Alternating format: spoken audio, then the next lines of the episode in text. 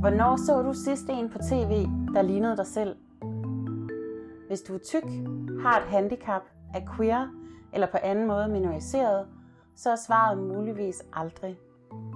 Velkommen til Outcast, hvor vi tager temperaturen på medierne og tiden til at tale om, hvad repræsentation betyder.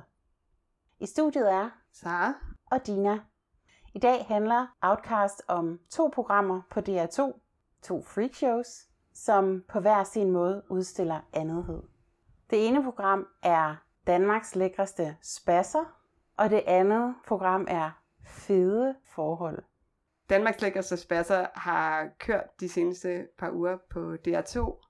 Programmet er færdigt nu, men man kan stadigvæk se afsnittene online og det har været fuldt af en relativt hæftig debat i medierne sideløbende. Relativt hæftig som i, at normalt gider aviserne egentlig ikke at skrive særlig meget, der har med handicap at gøre, så man kan sige, sammenlignet med en promille på 0, så har det været en hæftig debat. Udgangspunktet for programmet er, at, at den her kvinde, der hedder Mule, har et projekt, som man får ridset op i den faste intro til hvert afsnit. Den kommer her. Jeg hedder Mulle.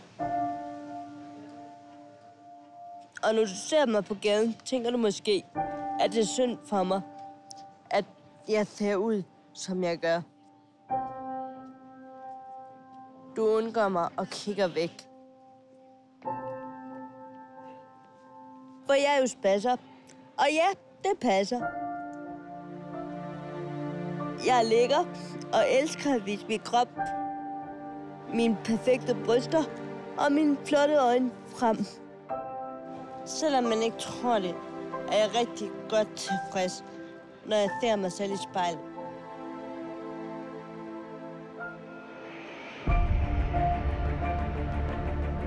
Tænk, hvis folk fik lov at se mig på den måde, som jeg ser mig selv.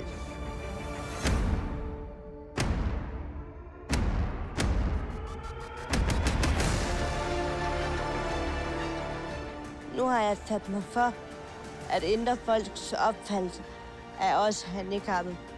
Og jeg vil skabe en skønhedskonkurrence for folk som mig.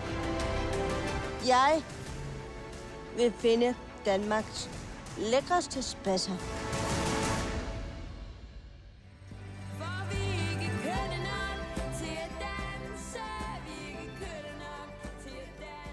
Det man ser i den her intro, mens Mulle præsenterer sig selv, er, at hun kører ned af strået, tror jeg det er, og der er forskellige mennesker, der går forbi. Og det er ligesom filmet på en måde, så man ser det fra hendes kørestolshøjde, og menneskene i baggrunden er sløret. Altså rent filmisk sammen med den her lidt sådan tristesse kling kling musik der er i baggrunden, så kommer det sammen med hendes ord om, at måske synes du det er synd for mig, måske kigger du væk til at give et indtryk af isolation i verden. Fordi de her mennesker er sløret, mens hun går forbi, ikke? så hun er ligesom adskilt fra dem.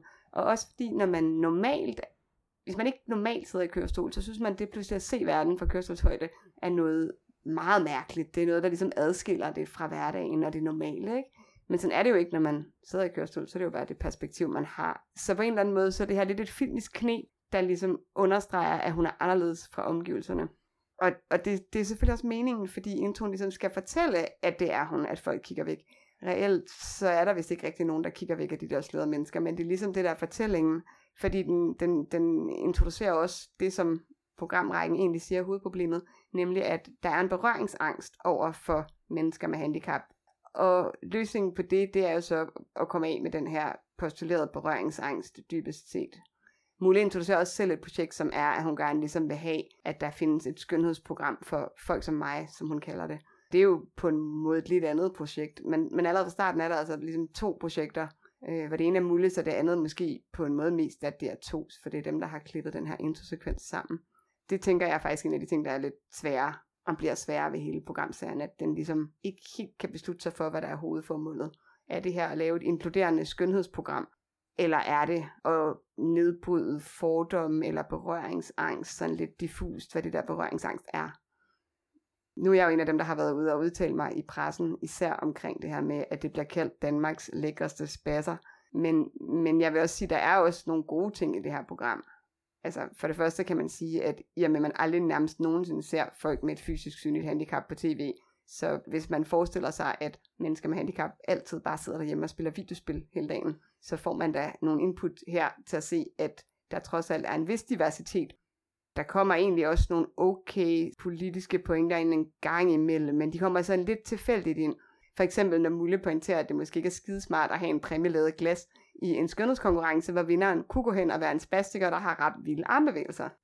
Jeg synes også, at, at den scene, hvor hun ligesom øh, tager ham, der ender med at blive vært på programmet, øh, Joachim, i skole, hun kalder sig godt nok Spasserskole, det ved jeg ikke lige, hvis jeg synes, det er den fedeste titel, men, men det er egentlig nogle meget fine ting, hun siger. Hun siger, at du må aldrig klappe en person med handicap på hovedet, og han siger, at det er der forhåbentlig heller ikke nogen, der gør.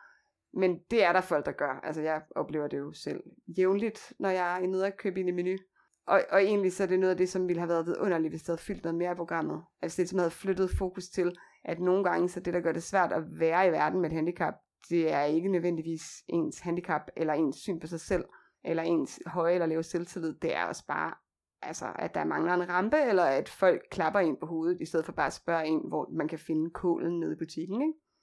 Mulles indledende projekt med at påpege, at modebranchen er helt vildt snæver, er jo også reelt den er helt vildt snæver, og, og en af de bedste scener, synes jeg, i hele programmet, er der, hvor, hvor det ligesom bliver klart, at det at give vinderen lov til at komme på forsiden af et modeblad, kan faktisk ikke lade sig gøre, fordi selvom modebranchen har skrevet under på et etisk charter om, at de ligesom vil have mere diversitet på catwalks osv., så, videre, så er der altså grænser for diversiteten. Det kan godt være, at man kan komme ind, hvis man har en eller anden cyborg benprotese, som i øvrigt er virkelig, virkelig flot og slank, men man kan altså ikke tage at gå på catwalk, hvis man er spastiker sideløbende med det her program kørte, så tog de faktisk emnet med diversitet op i aftenshowet, hvor Uffe Bukart var inde og tale om, om mangfoldighed i modbranchen. Og så sendte de Mulle ind og ligesom lavede et bagholdsangreb på ham, hvor han ligesom jo netop bliver konfronteret med den her dobbeltmoral, der er, som er, at det kan godt være, at man siger alt muligt om mangfoldighed, men i virkeligheden så strækker det sig jo ikke ret langt.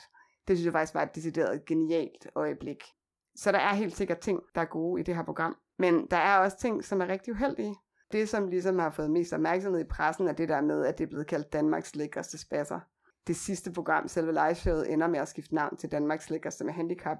Og der er en, nogle lidt mixede signaler i det, synes jeg. Fordi fra starten, der siger DR2's redaktør, øh, Peter Gren Larsen, han siger hele tiden om det er Mulles ord. Det er Mulle, der siger spasser. Men hvis han virkelig mener det, så giver det jo ikke rigtig mening, at DR2 så ændrer titlen til Danmarks lækkerste med handicap, altså så er det jo alligevel en eller anden erkendelse af, at DR2 faktisk er afsenderen på det her. At det er ikke bare muligt show, det er blevet noget andet, ikke? Det er blevet et DR2-program, Og derfor så er det også på en eller anden måde almene tanker om public service, der kommer til at blande, blive blandet ind i det her. Der er nogle enkelte personer, der ligesom får lov at komme og sige, at de synes ikke, det er fedt, at man begynder at bruge noget, som egentlig er et mobningsord og det, det har de ligesom med i nogle få bitte klip, men det kommer bare lidt til at drukne i det overordnede, som er, at det er fedt at sige spasser, fordi det er et opgør med krænkelseskulturen, den postulerede krænkelseskultur, det siger Mulle faktisk selv også i programmet. Og at det ligesom er sådan, man skal ligesom være sjov, ikke? Man skal kunne tage en joke. Når nogen klapper dig på hovedet og opfører sig mærkeligt over for dig, så er det dig, der skal løse det ved at være særlig sjov og, og tage joken på dig selv. Og på samme måde, hvis nogen driller eller mobber, så skal du også bare sige, ja, jeg spasser, det passer, fordi så holder de nok op, så det er ikke sjovt længere. Hvad jeg jo måske nok synes, at man godt bare kunne sige til folk, de skulle lade være med at opføre sig åndssvagt, i stedet for at lægge skylden over på, på den, der bliver mobbet, ikke? Jeg tænker også, at, at øh, den, det der påskud, det nærmeste er, at de har inviteret folk ind i programmet til at have en anden vinkel. At den holder simpelthen ikke. Den unge mand fra øh, samslutningen for unge med handicap, han kommer slet ikke til ord. Han får slet ikke lov til at sige det, han vil. Han, den måde, det er klippet sammen på, når de har en samtale, er virkelig uretfærdig i forhold til ham. Han øh, kommer til at sige et forkert ord, og det klipper de ikke ud, det lader de bare stå. Sådan, det, det er ligesom, det, sådan vil man ikke klippe andre mennesker, der, der argumenterer for en sag. Det er ikke en, en oprigtig lyst fra DR's side om at få den anden side af debatten. Det synes jeg slet ikke øh, får plads overhovedet i programmet. Nej, det er jeg enig i, at det er sådan, altså vægten er jo ikke ligelig overhovedet på nogen måde. Og jeg synes også, det er tankevækkende, at de ved faktisk godt allerede, mens de laver programmet, at der kommer til at, altså de kalder det en shitstorm. Der vil komme en shitstorm, siger de, og derfor så har de så øh, øh, inviteret Abdel ind til at, at lære nogle af de her deltagere, hvordan man skal håndtere shitstorm, især på Facebook og sociale medier. Og det han siger er egentlig ret fornuftigt. Han får desværre kun lov til at være der i cirka 10 sekunder på skærmen. Han siger, at en gruppe skal altid bestemme selv, hvad man vil kaldes. og at ord kan sagtens skifte betydning i kontekster, altså forstået på den måde, at bare fordi jeg godt må kalde mig selv krøbling, så er det ikke det samme som, at du må kalde mig det nødvendigvis. Men, men det, som er interessant, det er, at, at i den lille setting, hvor han skal lære dem noget om, om hvordan man håndterer shitstorms, så siger de selv, deltagerne, og muligt siger, at det bliver fra, fra egne rækker, at kritikken vil komme. Fordi, som der vist bliver sagt, nogle af dem, vi forsøger at tale for, bliver sådan lidt småfornærmet. Og det synes jeg er lidt interessant, at man på den ene side siger, at det her program skal ud og rykke ved fordomme for almindelige mennesker. Det skal fjerne berøringsangsten, som man siger, der er. At almindelige mennesker har en berøringsangst, når de ser nogen med handicap. De tør ikke tale til en, de tør ikke øh, spørge om noget, de kigger væk og så videre. Det, det hænger ikke helt sammen med, at de så klapper ind på hovedet. Der kunne man måske godt bruge lidt mere berøringsangst nogle gange, vil jeg sige. Øhm, men det er, sådan, det er sådan det, man siger, det skal. Men samtidig så ved man jo godt på forhånd, at dem, der kommer til at blive kede af det over det her, det er faktisk ikke her fra Danmark, det er faktisk andre mennesker med et handicap. Og det er sådan en problematisk præmis fra starten, fordi så er det jo ikke de store flertal, der skal vækkes og rykkes ved, så er det jo et spørgsmål om, at nogle af de mennesker, der er derude som er handicap, de skal holde deres kæft og indordne sig og forstå, at det her det er måden, vi gør det på. Måden er, at vi laver sjov med os selv og kalder os basser og så videre, ikke? Og jeg vil også sige, når du kigger på, hvad der skete bagefter på Facebook og så videre, så er Mulle jo blevet mødt med en love storm fra øh, mennesker, som ikke har handicap som siger, at det er så dejligt, hun ikke er politisk korrekt, og hun er øh, inspirerende, og, og har en god attitude og så videre.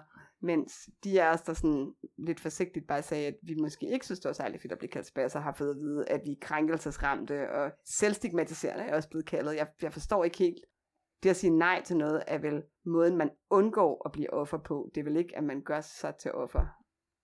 Men altså generaliseringen i det her ligger meget i, at man ligesom tager nogle helt vildt forskellige mennesker, propper dem ind i et program og siger, om det her det spasser, det er en fælles gruppe. Men det ligger jo også mere end bare sproget, og det er egentlig noget af det, jeg synes er, ikke har været så meget frem i debatten, og egentlig også noget af det, jeg synes er mest problematisk, nemlig at altså, man for eksempel laver sådan et ret implicit hierarki mellem de her mennesker, som er på scenen, og så dem, der er de professionelle. Det, det gør også, at man generaliserer helt vildt. Altså, der er ikke nogen med et handicap, der får lov at have en rigtig professionel rolle her, vel? Mulle får lov at være sådan lidt semi-medvært, men hun får ikke lov til at være vært, som det oprindeligt var meningen. I stedet for så hiver de en kropskapabel vært ind, som ovenikøbet har været børnevært på et tidspunkt, hvilket gør, at man får sådan lidt barnliggørende associationer til det her, ikke? Og, og dommerne har heller ikke synlig handicap. Jo, jeg ved godt, at den ene af dem, øh, Elie Jokar, er, har sklerose, men, men kriteriet for at være med til skønhedskonkurrencen var, at man havde et, et synligt handicap, og det har hun jo ikke. De andre dommer, det er så øh, Irina Olsen, som vel er den mest relevante dommer på en eller anden måde, fordi hun har en eller anden skønhedsblok, så det giver vel lidt mening i et skønhedsshow. Men den sidste er Bertel Hårder. Altså ikke noget om Bertel Hårder, eller måske, men, men, men det er bare virkelig underligt, at man placerer ham i en skønhedskonkurrence, ikke? Hvis Mulles projekt i starten, som hun siger, altså i starten i introen, får vi ligesom præsenteret de her to projekter, hvor det ene det handler om berøringsangst, postuleret berøringsangst, og det andet handler om øh, at lave en skønhedskonkurrence for alle, ikke? Den der med at lave en skønhedskonkurrence for alle, den falder jo fuldstændig til jorden, når man sætter Bertel Hårder ind. Fordi hvad i alverden har han med skønhed at gøre? Ikke en skid. Så når man sætter sådan en som ham ind, så er det jo fordi, at på et eller andet måde, så har man kigget på de her mennesker, der er med i skønhedskonkurrencer, og tænkt, mm, det der budskab mulighed med, at skæve kroppe kan være hurtigt, det tror vi sgu ikke rigtigt på. De er nødt til at kompensere med noget andet. Vi må have en kulturminister ind i stedet for, sådan så at det kan blive noget, vi flytter fokuset, ikke? Altså, hvad man ikke har i benene, må man have i hovedet og charmen og noget andet, ikke? Altså, Mulles projekt bliver faktisk skubbet til side til fordel for det andet projekt, som var, at vi skulle af med en eller anden postuleret berøringsangst. Og, og hvis, man, hvis problemet her i verden er berøringsangst, så må løsningen jo være, at os med handicap skal stille os op og fortælle om os selv og lege spørgjørn med alle, der gider lege, ikke? I det hele taget, den måde Mulle bliver øh, sat til siden på, viser jo bare, at det er Danmarks Radios program. Det er jo ikke Mulle, der får det sidste ord på nogen måde hun får ikke lov at være vært, hvilket slet ikke giver mening. Det er jo hele måden, det er bygget op på, fordi for at de ligesom har kunne lave en eller anden form for dynamik, tror jeg, så har de valgt, at hun ligesom går og taler med en journalist undervejs, som er kropskapabel. Altså, Mulle er jo ikke vant til at lave tv, altså hun er jo ikke professionel. Så det er meget rart, at der så er en eller anden, der ligesom kan guide de der samtaler, men det kommer bare tit til at virke sådan en lille smule, som om, at det er den voksne journalist, der ligesom skal styre den lidt vilde Mulle. Og det kommer bare igen til at understrege, at der er sådan en eller anden form for hierarki, ikke? Et andet sted, hvor, hvor jeg synes, den der generalisering går helt galt, det er, at det klip, hvor Mulle går rundt i kongens have og spørger folk, om de kunne, jeg tror, at det formuleringen er, kunne du falde for en handicappet? Om noget viser det klip, at der ikke er nogen speciel berøringsangst, fordi alle svarer sådan set på spørgsmålet. Det er overhovedet ikke berøringsangst, der er et problem. Det, der er et problem, det er, at folk er helt vildt fordømmende og fordomsfulde og generaliserende. Alene det, at der ikke er en eneste af de mennesker, der bliver spurgt, og heller ikke tydeligvis nogen bag kameraet, for de er jo gået med til at klippe det her sammen. Der er ikke en, der spørger, undskyld, men jeg forstår ikke spørgsmålet. Fordi når du siger, kunne du falde for en med et handicap, hvad er det? Altså handicap kan være en milliard ting. Det, det kan være, at du mangler et ben, det kan være, at du er spastisk, det kan være, at du bruger linser, det kan også være, at du har et empatihandicap, det er der mange her i Danmark, der har nu om dagen. Altså et eller andet sted, så er det helt vildt, at alle bare svarer på det, som om det er så nemt at tænke på en eller anden fælles, ensartet grå kasse. Det næste, der er vildt, det er, at folk synes, det er okay at have en holdning til det. Altså tænk, at man faktisk synes, det er okay på forhånd at have en holdning til, om man kunne forestille sig at falde for en person med et handicap. Altså, det, det synes man er okay. Man synes ikke, at det er et tegn på, at man øh, har handicapfobi. På overvej, hvis de går rundt og spurgte random mennesker, kunne du falde for en jøde? Altså, så tror jeg måske, der var nogen, der sagde, undskyld, men det kan du simpelthen ikke gå rundt og spørge om. Men det gør man ikke her, fordi man, man synes, det er fair nok, at man kan have på forhånd en holdning om, at det kunne man ikke falde for. Igen, det der hierarki, ikke? Men, men det er jo ikke berøringsangst, altså det er fordomsfuldhed. Det modsatte er berøringsangst, kan man sige. Tvære sin holdning ud på den måde, ud over det hele. Ja. Præcis. Men altså, hvis vi så kigger på, hvad det, hvad det så er, der ligesom ender med at blive hyldet til sidst i, i det der finale show, så er det jo så ikke rigtig en skønhedskonkurrence. Det er i stedet for nogle mennesker, som fortæller deres historie. Det kan også have en berettigelse, fordi igen, altså når man aldrig hører historier om mennesker med handicap, så betyder det også noget, at man hører nogle historier, at man ligesom ser nogle mennesker, og måske får nogle, man kan spejle sig i nogle gange, hvis man sidder derhjemme og har et handicap. Men det er bare en helt bestemt type historier, der ligesom kommer frem her. Altså noget af det, som jeg hæftede mig ved, det er, at de faktisk alle sammen står til at blive præsenteret, som om de arbejde. Der er en af dem, der lige i en sidebemærkning i et af afsnittene nævner, at hun sådan set er på førtidspension. Og så ved siden af det arbejder hun så på sådan et center for voksne med udviklingshæmning. Men i finaleshowet, der er det ligesom blevet slettet igen. Der fremstår det bare som, at hun at hun arbejder helt almindeligt. Ikke? Og det er noget af det, som, som Bernd Hård bliver meget glad for. Ikke? Han siger sådan, at han er så overvældet af, at citat, I er alle sammen så selvhjælpende. Og så nævner han hende, ikke? at hun går ned og, og hjælper på et center, hvor hun hjælper, i stedet for at det er hende, der bliver hjulpet. Ikke? Så det er sådan meget, meget det, der er i fokus. Og der er flere af de andre, der også fremhæver det her med, at de arbejder og laver negle og forskellige ting. Og nu skal man selvfølgelig ikke out nogen, men altså, jeg ved, at der pænt mange af de her mennesker, de er på førtidspension. Fordi sådan er vilkårene, altså tit, når man har et stort, omfattende fysisk handicap, at nogen kan godt være på det almindelige arbejdsmarked, men der er virkelig mange af os, der ikke kan. Og der er virkelig mange for hvem det, som gør, at man kan have et værdigt liv og deltage, det er, at man har den der førtidspension, som sikrer en en minimumsindkomst. Og så kan man så ved siden af, i de uger, hvor man har kræfter til det, så kan man lave noget arbejde. Men i de uger, hvor man ikke kan, så kan man også bare stadigvæk leve. Og det synes jeg er så ærgerligt, at det ligesom bliver tryllet væk. Fordi det er jo et af de helt store problemer i samfundet nu, det er, at man ligesom nærmest ikke kan få førtidspension, medmindre man faktisk er døende, ikke? Og, og også den her, hvad kan man sige, i stigende grad er det sådan, at man synes, folks værdi er deres arbejdsevne. Og, og det ville jo være noget af det, som jeg tror, hvis man kunne ændre på det, ville det virkelig rykke noget for mennesker med et handicap. Men det her program kommer til at gøre det modsat, ikke? Det kommer til at hylde historien om, at man kan, hvad man vil, ikke? Altså, det kunne høre det i alle talerne. Den, den vildeste af dem alle sammen er jo den, som ender med at være vindertalen fra, hun hedder Ditte. Til dig med ondt i selvtilliden, hvad enten du sidder herinde, deroppe, eller derhjemme i stuerne. Hvad enten du er dvæv eller menneske, syg eller rask, mand eller kvinde. Du er smuk, og du er helt forunderlig. Hvorfor? Fordi at du er helt din egen. Og jo før du lærer at afbalancere dine talenter med dine skavanker på samme sjælehylde, desto mere stolt bliver du af dig selv. Så hvis jeg kan stå her i dag og være finalist til Danmarks lækreste. Og nu siger jeg det. Spasser.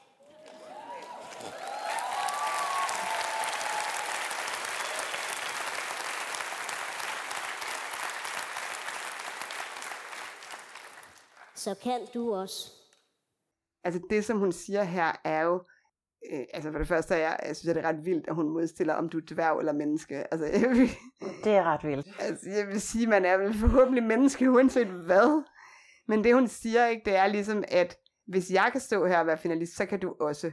Så det er ligesom den funktion, hun tager på sig, og som mange af de her mennesker tager på sig, at, at de vil være dem, der ligesom sætter andres liv i relief, ikke? Hvis jeg med de her synlige skavanker, jeg har, kan gøre det, så kan du også. Og man kan sige, hvis det er en person med et handicap, så fair nok, så kan der være sådan en rollemodelsfunktion. Men de fleste, der så ser det her program, er jo folk uden handicap, ikke? Altså, det bliver på en gang sådan en, det er godt at vide, at der er nogen, der har det værre end mig, og samtidig sådan en, ah, men øh, det er meget inspirerende, øh, så kan jeg også per sammenligning, som lyder som en kompliment, altså det lyder som en kompliment, at man synes, nogen er mega inspirerende, men samtidig er det også en indbygget fornærmelse, fordi man jo kun synes, de er inspirerende, fordi man faktisk synes, at de er lidt tragiske. Det er sådan, man vil, man vil ikke bytte med dem, eller det vil sgu ikke være dem. Det er sådan ret på tryg afstand at være sådan lidt inspireret, ikke? Det er igen noget, der kommer til at fremhæve et skæld, synes jeg. Og så kommer det også ligesom, så kommer det også til igen at cementere den her forestilling om, at alle problemerne skal løses af mennesker med handicap. Ditte siger, jo før du lærer at balancere dine talenter og dine skavanker på samme sjælehylde, altså hvad det præcis er, det betyder, det er måske lidt diffus, men det er jo i hvert fald noget med, at det er dig, der skal lære det. Det er dig med et handicap, der skal ligesom lære at elske sig selv og, og øh, finde din selvtillid og balancere problemerne i dit liv, så skal alt nok blive godt. Det er der virkelig en liberalistisk brandtale, der ved noget. Altså, så er det jo fuldstændig over på individet, så jeg kan godt forstå, at Bertel Hård, der godt kan lide det. Fordi det er ikke noget med, at, at der er nogen i samfundet, der skal give, gøre det muligt at få førtidspension. Det er ikke noget med, at, at de der har jo helt sikkert også en hjælperordning. Det er ikke noget med, hvor vigtig den her hjælperordning af vores velfærdssamfund er. Det er ikke andre mennesker, der skal lære at opføre sig ordentligt, eller samfundet, der ligesom skal være der for os alle sammen. Det tror jeg egentlig er det, jeg synes er i virkeligheden det, som er mest alarmerende ved det her program, sådan i forhold til, hvor vi er rent politisk lige nu i samfundet, hvor, hvor der bliver skåret på lige præcis hjælperordninger og førtidspension og nogle af de ting, som gør, at sådan en som mig faktisk overhovedet kan leve et sted, som ikke er på en institution. Det er et uh, program, der giver carte blanche til personer uden handicap og tale præcis, som man altid har gjort, om folk og til folk med handicap.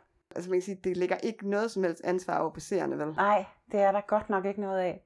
Det er jo også derfor, uh, der er den der love storm på Facebook og t- i salen med skønhedskonkurrencen, mm. ikke? at det er bare dejligt. Der er ikke nogen, der skal lave om på noget. Der skal mm. ikke laves om på den konkrete politik, der bliver ført. Der skal heller ikke uh, laves om på nogen form for modtagelse af identitetspolitik.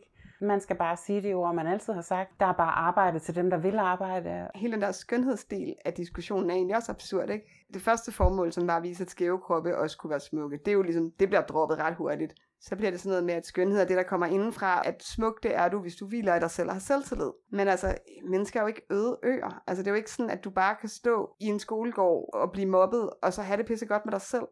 Altså, det, jeg synes, det er lidt skørt, det der med at tro, at man bare kan sætte sig hjemme i stuen og beslutte sig for, at man er smuk, og så er det ligesom bare det. Vi, vi lever jo i relationer med andre mennesker. Altså, det eneste krav, der egentlig bliver stillet til relationer her, det er, at folk ikke skal have berøringsangst. Og, og hvad betyder det? Det betyder så vel sagtens, at man skal spørge om alt det, man vil, og at, at man skal, jeg ved ikke, klappe på hovedet, det skal man så ikke, men, men altså, det er jo ikke noget med, at man måske skal sådan spørge sig selv, om det er okay, at man har en generel holdning om ikke at falde for folk med handicap, for eksempel. Det, det bliver der ikke ligesom sat spørgsmålstegn ved. Så på den måde vil jeg sige, at selvom det er sjældent, at man ser så mange mennesker med et handicap på tv på én gang og i så lang tid, og selvom der er kommet nogle okay debatter ud af det, man kan sige, at de har været ret biased på den måde, man kan se, at, at når nogen har fremført det synspunkt, at det ikke er fedt at blive kaldt spasser og blive generaliseret, så har man virkelig fået hater-kommentarer fra kropskapable læsere og seere, ikke? Så det har ikke været en ligelig debat. Men, men altså man kan sige, der har der været mere fokus, end der har været ellers, men jeg vil bare alligevel være i tvivl om, hvorvidt det fokus har flyttet noget som helst i den måde, folk møder mig på, når jeg går ned og køber ind i menu. Jeg synes i hvert fald, at programmet har fået øh, fastlagt, at øh, Danmarks Radio er helt absurd. altså når jeg har fortalt folk om det her program og en skønhedskonkurrence for personer med handicap, der skal bedømmes af folk uden handicap, og en af dem er Bertel Hårder. Og folk, de ved slet ikke, altså alle folk begynder at grine, fordi det er, det er så, så syret. Jeg synes det bedste, der er kommet ud af det, er de helt utroligt få vidnesbyrd, der ligger i, at øh, Mulle fortæller, at hun har fået ros af en fremmed person for at hæve penge. At, at det var sørme flot, at hun kunne det, og så også, at øh, Sami under skønhedskonkurrencen fortæller, at øh, han har oplevet, at de kropskapable personer, han er sammen med, de bliver spurgt, kan han godt gå den vej, eller et eller andet, hvor det sådan, så spørger jo, så spørger jo ham selv i stedet mm. for. Det, det, det tænker jeg, det må være det bedste, der, der er kommet ud af det. Jamen helt sikkert. Og så er der en en anden ting, som var en lille bitte, bitte uh, silver lining, hvor jeg, jeg sad og, og krummede så meget øh, til at krummede sjæl, og jeg ved ikke hvad, da jeg så øh, mødet med de to DR2-chefer og Mulle. Den ene chef, hun siger, at da hun skulle booke det her lokale, så bad hun en kollega om at booke det og skrive spasser på lokalet, og så sagde kollegaen, at det ville hun ikke. Præcis. Altså, jeg tænker, at DR2 nok synes, at de har lavet noget meget, meget dybt og nuanceret ved, at de så skifter titlen ud til sidst. Men det synes jeg bare ikke, at de har, fordi for det første, så kan man sige, at det, der har fyldt mest hele vejen, er jo alligevel det der spasserord, som de jo altså også afsender på, uanset at de siger, at det ikke er deres ord. Det er det jo alligevel, for det er deres program. Men samtidig, så hvis vi tager dem på og siger, okay, det er mullesord, det er mullesord hele vejen igennem, og hun har lov til at definere sig selv. Selvfølgelig har hun det. Alle har fucking ret til at definere sig selv. Men hvis det er det, de mener, så tager de jo den ret fra hende ved at lave om på titlen i det sidste, i den sidste udsendelse. Så begge dele er faktisk skidt. I begge scenarier anerkender de ikke, at minoriteten har ret til at definere sig selv.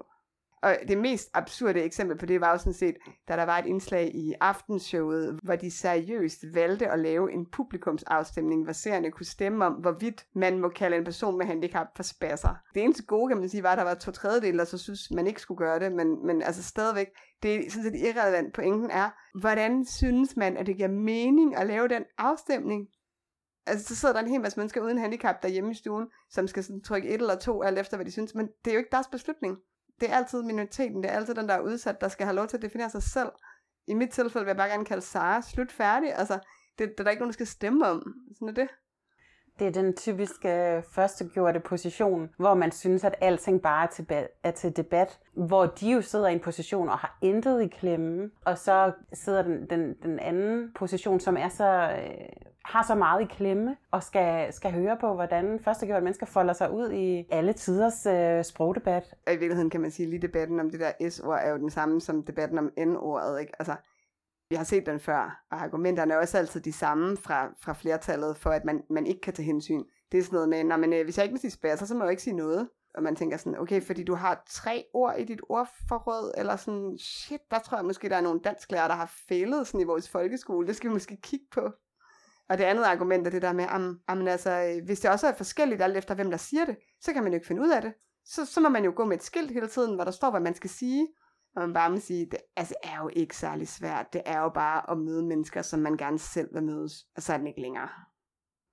Og apropos at møde mennesker, som man gerne selv vil mødes, så øh, det andet program, vi kigger på, er jo i hvert fald et godt eksempel på, hvordan jeg ikke tror, der er nogen i hele verden, der har lyst til at blive mødt. Nej, det er fede forhold som øh, stadigvæk kører på øh, DR2, så vi har ikke set det sidste afsnit, men øh, tvivler nok også øh, stærkt på, at, øh, at det kommer til at gøre så stor øh, en forskel. Fede forhold har selvfølgelig ikke fået den samme sensationsagtige debat som, som Danmarks lækreste spasser. Fordi det for det første ikke noget, som er øh, i en eller anden øh, forklædning som en form for identitetspolitik, som det andet program forsøger, men jo overhovedet ikke er det her program Fede Forhold, det er et program, som handler om, at tykke skal indrette sig i samfundet. Og der er bare altid så mange slankeprogrammer på tv. Jeg, har, jeg ved ikke, hvor mange der har været. Der har været uendelige. Slankeprogrammer, det er underholdning. Tykke menneskers smerte er underholdning. Og det kan man også øh, se i den måde, øh, den her intro er klippet sammen øh, med baggrundsmusikken, og hvordan det her program skrues sammen. Du bliver fed af at være i et forhold. Jeg skulle gået hen og blive, øh, blevet fed. Kærlighed koster kilo på kroppen, og det får sexlysten til at falde. Kan jeg så komme i gang? Nej. Jeg kunne godt tænke mig, at den fik et bedre sexliv. Prøv at sige fem søde ting til mig. Nej.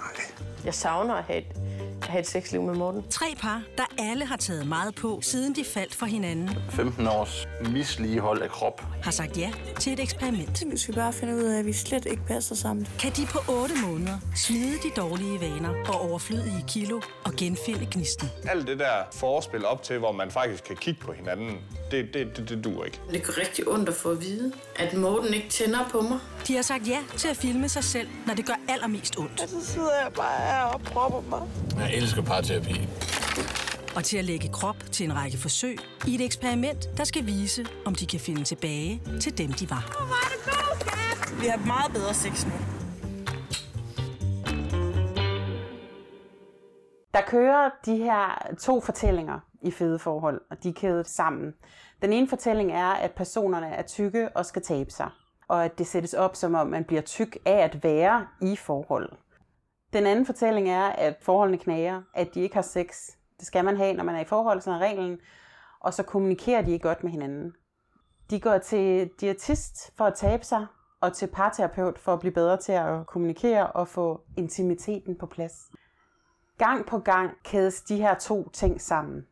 At det er fordi, man er tyk, man ikke har et godt forhold. Og projektet er, at de skal tabe sig og på den måde få et godt forhold. Der introduceres nogle øh, eksperter. Der er diætisten, som øh, ikke virker til at være et særligt rart menneske i det her program. Hun har en plan. Hun laver øh, planer for de her seks deltagere, og øh, det er bare en skudsikker plan. Hvis de følger den, så vil de tabe sig så og så meget. Den plan problematiseres overhovedet ikke, selvom DR har andre eksperter på banen, nemlig forskere i tarmbakterier, som kan fortælle, at mennesker ikke responderer på samme måde på slangekur. Det bliver konstateret, at alle seks deltagere har kroppe, som ikke taber sig lige så nemt som andre personer med andre tarmbakterier. Det er en underlig øh, afgrænset historie, som ikke tjener rigtig noget formål, andet end at gøre deltagerne yderligere desperate og hade deres egen krop yderligere.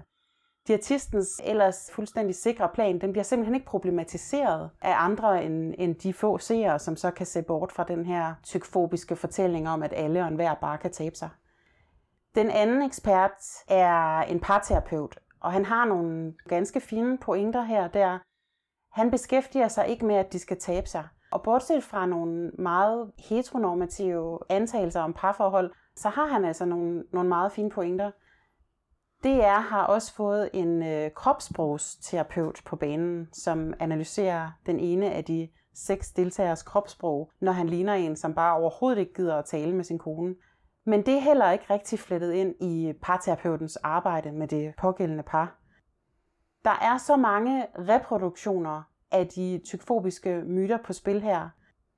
Udover det her med, at alle bare kan tabe sig, er der også fortællingen om, at tykke er inaktive at tykke har spiseforstyrrelser eller manglende viden om mad, og at det er på grund af tykkhed, at man ikke har noget overskud i hverdagen. Sagen er jo, at langt fra alle tykke kan tabe sig.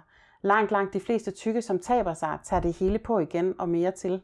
Og det er jo også temmelig interessant, at flere af deltagerne her henviser til tidligere tider, hvor de var slanke eller slankere, øh, hvor de lige havde tabt sig. Og så nu, hvor de er blevet tykke eller blevet tykke igen, og alligevel så holder de fast i ideen om, at øh, når de så taber sig i det her program, så vil det være et statisk eller et endeligt vægttab. Så vil de aldrig blive tykke igen. Tykke menneskers inaktivitet, den handler jo i meget høj grad om tykfobien, hvis man øh, ikke risikerede alle de blikke og kommentarer og meget høje tilråb nogle gange, når man øh, bevæger sig ud i verden, så vil man jo have et meget nemmere forhold til mad og til motion og til at være social med andre mennesker og begå sig i offentlige rum. Det der manglende overskud, som de alle sammen taler om hele tiden, det kommer jo fra den her stigmatisering, som trækkes ned over tykke mennesker. Jeg kunne virkelig godt tænke mig at se det her program i en helt anden udgave, hvor øh, parne går hos parterapeuten, ligesom de gør. Og så i stedet for at gå til diætist og få skæld ud, så kunne de øh, se dokumentaren Fatitude the Movie fra 2016 og dokumentaren Fat Chance fra 1994, som ligger på YouTube. Og de kunne jo læse Health at Every Size, skrevet af fysiologen Linda Bacon, og lære om, at sundhed og tykkhed bestemt ikke udelukker hinanden. De kunne læse øh, Charlotte Coopers bøger, hvis de vil læse noget om sådan den, den radikale tykaktivistiske kamp for ligestilling for tykke mennesker. Eller de kunne læse nogle bøger af Lindy West og Jess Baker for at få lidt mere øh, tilgængelig tyk positivitet. Og de kan følge det tykkes befrielsesfront og Fedfront på Facebook. De kan helt sikkert lære rigtig meget ved at tjekke Fedfronts hjemmeside, følge Fedfront på Instagram, hvor man kan se en masse dejlige billeder af tykke mennesker, og læse øh, nogle tweets på Fedfronts Twitter, fordi det er lige præcis det, der skal til for at få den her energi, som de efterspørger. Det er at have den her glæde ved at eksistere, glæde ved deres egne kroppe og hinandens kroppe. Simpelthen lære, at der ikke er noget i vejen med at være tyk. At det er den her tykfobi, som alle tykke mennesker øh, må kæmpe mod. Det er den, der dræner en for, for energi. Og for lige at understrege de her pointer med, at man bliver drænet af energi af tykfobi, og at slankeprogrammer er god underholdning på tv, så synes jeg lige, at vi skal høre et klip med øh, den her diætist fra programmet. Jeg signede op til det her, fordi der skulle være en, et, en, et, et endemål. Mm. Og så at, at du så vælger at køre det på din måde, fordi det er det, der ligesom sådan passer dig. Det var bare ikke det, der sådan var en del af aftalen. Så derfor sidder jeg jo også med sådan en flot med et halvt kilo. Du skulle have tabt et helt. Mm. Og jeg kan jo ikke sidde og sige, hvor er du god, hvor er det dygtig, for jeg synes ikke, det er specielt imponerende at tabe et halvt kilo. Altså, de, de klienter, jeg har, som er i overgangsalderen, der synes jeg, det er imponerende, at de taber et halvt kilo. Men du er 30 år. Hmm? Det burde være easy peasy. Men, men altså, jeg ved, ikke, hvad jeg, jeg ved ikke, hvad jeg skal sige lige nu. Altså, jeg, og jeg er, ikke, øh, jeg er ikke sur, og det er 100% min indsats, og du har da helt ret i, at det er nu, jeg burde give den en skalle øh, for at... Jeg sidder her med alle mine talenter og vil så gerne hjælpe jer, guide jer. Men, men jeg får ikke lov. Fordi du har lavet den der, mm, og du er stresset og rejser rundt, og hvad ved jeg.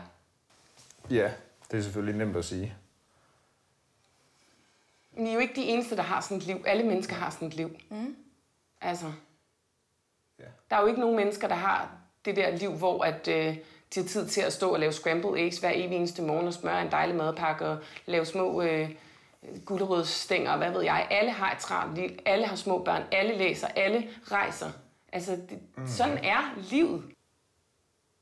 Det kan være, at jeg virker lidt hård for Jane og Morten, men jeg føler virkelig, at engagementet er faldet lidt, og jeg prøver at give dem et skub i den retning, jeg tænker kan hjælpe dem bedst. Hvad tænker du om det, Sara? Bliver du underholdt af tykke menneskers selvhader, når de får skæld ud? Ej, jeg bliver på ingen måde underholdt. Jeg bliver faktisk pisse sur. Jeg synes, at, at den her diætist er vanvittigt nedladende og bedrevidende.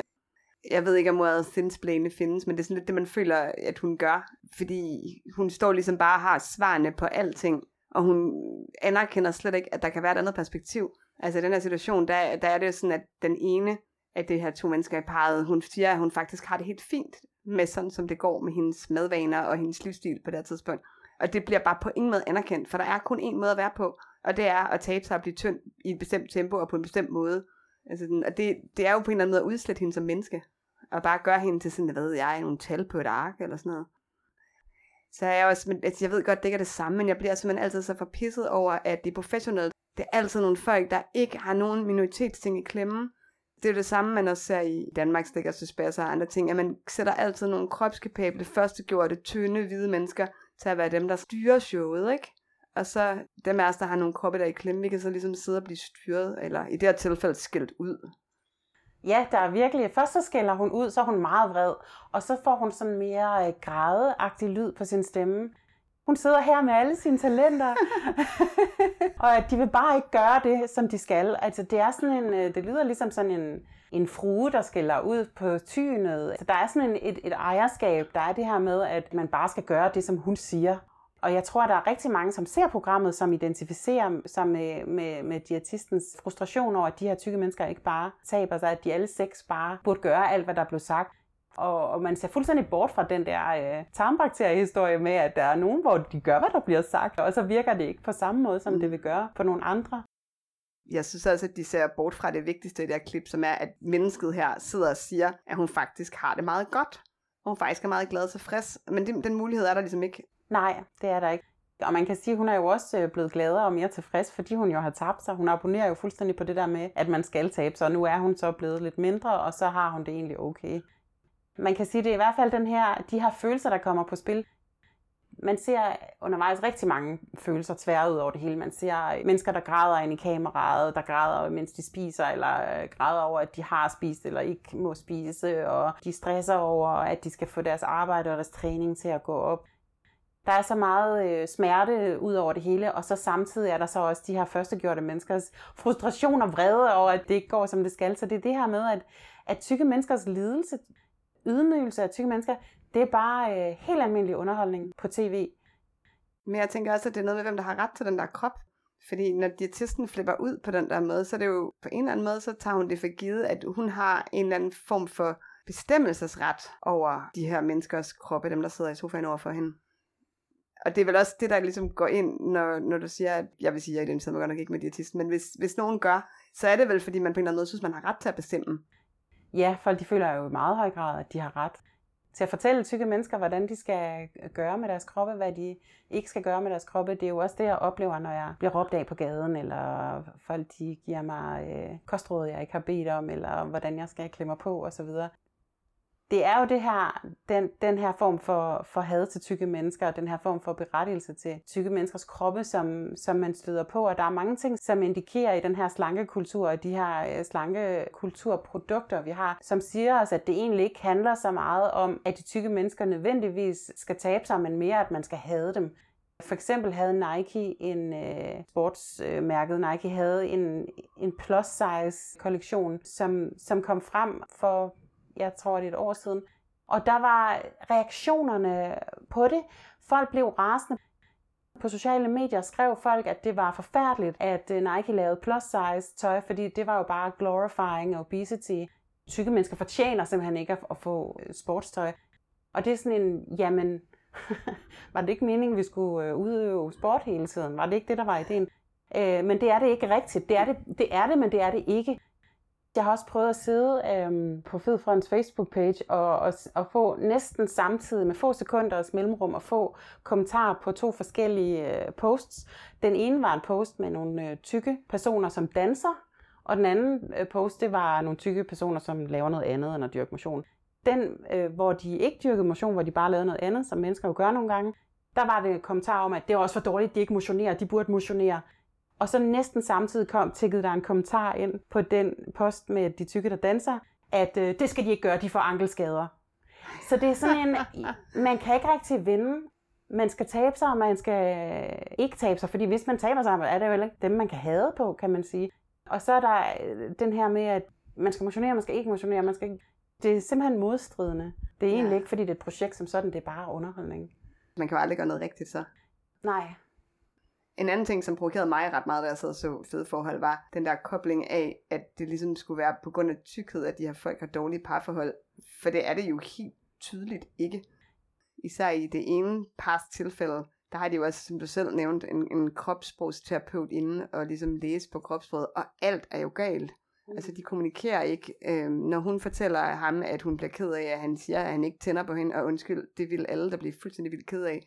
Så sidder han bare og læner sig væk og kigger den anden vej og gaber. Og da hun forsøger at tage ham i hånden, så trækker han hånden væk, ikke? Mm. De laver også et eksperiment, hvor de bliver sat til at stå og kramme hinanden, og så skal man måle, om tilknytningshormonet oxytocin ligesom stiger. Hans hormon falder af, at de holder om hinanden. Mm. Og undervejs, så, så spørger hun, om ikke han kan sige noget sødt til hende. Han er bare sådan, nej. Mm. Så siger hun nogle søde ting til ham. Han kan stadig ikke sige noget sødt til hende. Han bliver også sur på hende over, at hun siger søde ting, faktisk. Ja, præcis. Alt i det parforhold er virkelig, virkelig problematisk. Det er også ham, der siger til hende, at han synes, hun var pænere for 10 år siden. Hun skulle se ud som for 10 år siden, men altså undskyld, man bliver ældre. Det er sådan en præmis. Det er meget øh, kendetegnende for de her øh, seks øh, mennesker i programmet, de tre par. Det er den her med at leve i fortiden og leve i fremtiden. Det her med, at især hende, der hedder Ditte, hun dvæler hele tiden ved, at i 2009, der så hun godt ud. Der er en anden, øh, jeg kan ikke huske, hvem er det, der siger sådan, at før han kom ind i det her forhold, der havde han lige tabt sig rigtig meget der var han rigtig tilfreds med, hvordan han så ud. Og det er jo bare det her med, at jamen, de her tykke kroppe, som taber sig, de tager det på igen, og så kan de leve i sådan en, dengang, i det her øjeblik i 2009, der så jeg godt ud. Og nu drømmer jeg om at komme derhen i 2020, eller hvornår det er meningen, at de mm. så skal se øh, godt ud. Og det er det der med slet, slet ikke at, at være i nuet og elske sig selv, fordi det er ligesom om deres, deres egen krop og deres egen tykkhed er så meget en fjende, at de kan umuligt leve deres liv nu. De er nødt til sådan at søge tilbage til de få øjeblikke, hvor de havde behersket deres tykkhed i et eller andet omfang, og så drømmen om at gøre det i fremtiden. Mm. Det er de to stationer, de ligesom kan finde hvile i. Og samtidig kommer det jo så også på en eller anden måde til at pege tilbage til den gang parforholdet var godt. Og så laver man en kobling, der ikke har en skid med at gøre det er jo ikke usædvanligt, at når man har været sammen i 15 år, så er man måske ikke helt lige så nyforelsket, som man var dengang. Og hvis man har to børn, man skal smide afsted inden klokken 6 om morgenen, så er det også noget, der dræner. Altså det er fuldstændig almindelige problemer, som mange mennesker i parforhold med små børn har. Det er altså ikke noget, der har med kropsstørrelse at gøre. Det er sådan en, en, en meget, meget underlig kobling, der bliver lavet, ikke? Der er jo to af parne, hvor man tænker, at, at det behøver ikke at gå så galt med dem. De er sådan set meget søde ved hinanden.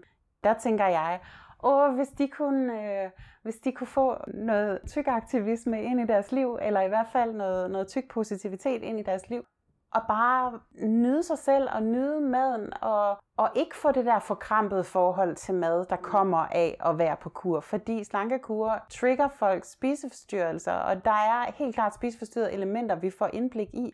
Jeg tænker, de behøver slet ikke at være der. De kommer af det der pres, som øh, den der øh, ulidelige diætist udsætter dem for, og det forfærdelige pres med at have kamera på og sådan nogle ting. Og det der med, at de ligesom, de har egentlig ret mange gode ting i deres liv, men det er ligesom om det ikke tæller, hvis de ikke øh, når derhen til det der mål med at tabe sig. Og så håbet om, at så er det et, øh, et blivende vægttab. Ja. Selvom de har alle sammen haft historier med vægttab før, som jo ikke holdt. Og så skyder de skylden på parforholdene, men det er jo den tid, der er gået, der sikkert ville have forårsaget det alligevel. Altså fordi de ikke kan holde deres kroppe er, er kodet til noget andet. Og lige præcis i forhold til den der kobling af, at parforholdet er skyld i, man bliver tyk, og tykkhed er skyld i, man får et dårligt parforhold, som er sådan en meget kunstig sammenstilling. Der synes jeg også, det er virkelig ærgerligt, at den parterapeut, har fundet en, der er tynd. Jeg ved ikke, hvem de kunne have fundet en parterapeut, der var tyk. Måske... Det kunne de heller aldrig være interesseret Nej. i at have fået, fordi de synes jo ikke, at, det, at man er et rigtigt menneske, når man er tyk. Hele Danmarks Radio, der har lavet det her program, synes jo tydeligvis ikke, at det er man. Det vil være det der ønskeprogram, som jeg har, ikke? hvor at det handlede om, at man godt må være tyk. Men for det her program ville det jo slet ikke kunne lade sig gøre. Men det er også det, jeg synes er lidt interessant, fordi hvis man overvejer i princippet, sådan rent funktionsmæssigt, så er det jo irrelevant, om den mm. der parterapeut er tyk eller tynd. Men de har sat en scene op, hvor hvis de havde sat en tyk parterapeut ind, så ville det have saboteret hele programmet.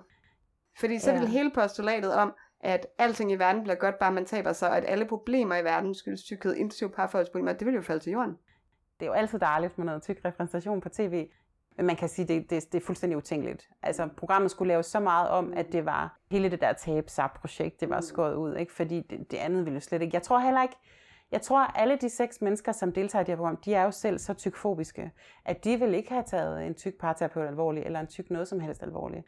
De har jo det samme blik som jo hele resten af Danmark og Danmarks Radio. Det her med, at det skal være tynde eksperter, og det skal være, altså, det er jo det, der også er årsagen til, at tykke mennesker ikke bliver ansat i samme grad. Men man forventer ikke, at tykke mennesker kan finde ud af noget. Og man forventer jo heller ikke, at man som tyk kan have et godt forhold, tydeligvis. Og der kommer jeg til at tænke på, fordi altså, de her to programmer, vi har siddet og talt om, er jo på alle mulige måder meget forskellige. Altså begge to ret fremmedgørende. Det ene er sådan kamufleret som en slags hyldest til de her meget øh, inspirationspornoagtige mennesker, som har overkommet øh, nogle problemer på helt sådan individuelt plan. Og det andet, det er sådan shaming af folk, som er minoriseret, ikke? Men de har dog til tilfælde, at de begge to er på DR2, som i teorien er en public service kanal. Begge to har, har øh, haft øh, Peter Gren Larsen på en eller anden måde indover, som er DR2-redaktør. Og han var jo faktisk ude, det er så godt nok 10 år siden, at sige i BT, at han ikke ville have tykke mennesker på sin programflade altså sådan, som, som værter og så videre. Udgangspunktet var sådan noget med, at filminstruktør Søren Fagli havde fået at vide, at han skulle tabe sig, hvis han kunne få lov at få en hovedrolle i en eller anden bestemt tv-serie, som han jo ikke selv havde lavet. Og, og øh, argumentet fra Peter Gren Larsen var, øh, det var cirka sådan her, han sagde ordret til BT, DR2-kanalen er moderne, og derfor vil den gerne præsentere moderne mennesker med ordentlige madvaner. Så der er ikke rigtig nogen tvivl om her, at man kan ikke være ekspert, hvis man er tyk. Man kan allerhøjst være sådan et eller andet objekt, som nogle eksperter skal ændre på det er jo bare 100% tykfobisk. Man kan sige, at det er jo et udtryk for den generelle holdning til tykke mennesker, og, og, og det man møder hele tiden. Så på den måde er det jo bare øh, same procedure as last year. Danmarks Radio vil jo også gerne nogle gange kamuflere sig som nogen, der virkelig øh, gør noget nyt og tænker ud af boksen og laver de her forskellige DR3-programmer med, med, med folk, som har en eller anden andethed, som får lov til ligesom at komme til ord i et eller andet omfang. Men de, de, de kan sagtens uh, stadigvæk fastholde grundlaget af tykfobi og handicapfobi, og samtidig lade som om de lige er lidt woke. Men det er altid på sådan en lidt harmløs måde, ikke? Shitstormen kommer ikke til at komme fra de første gør, der siger vel.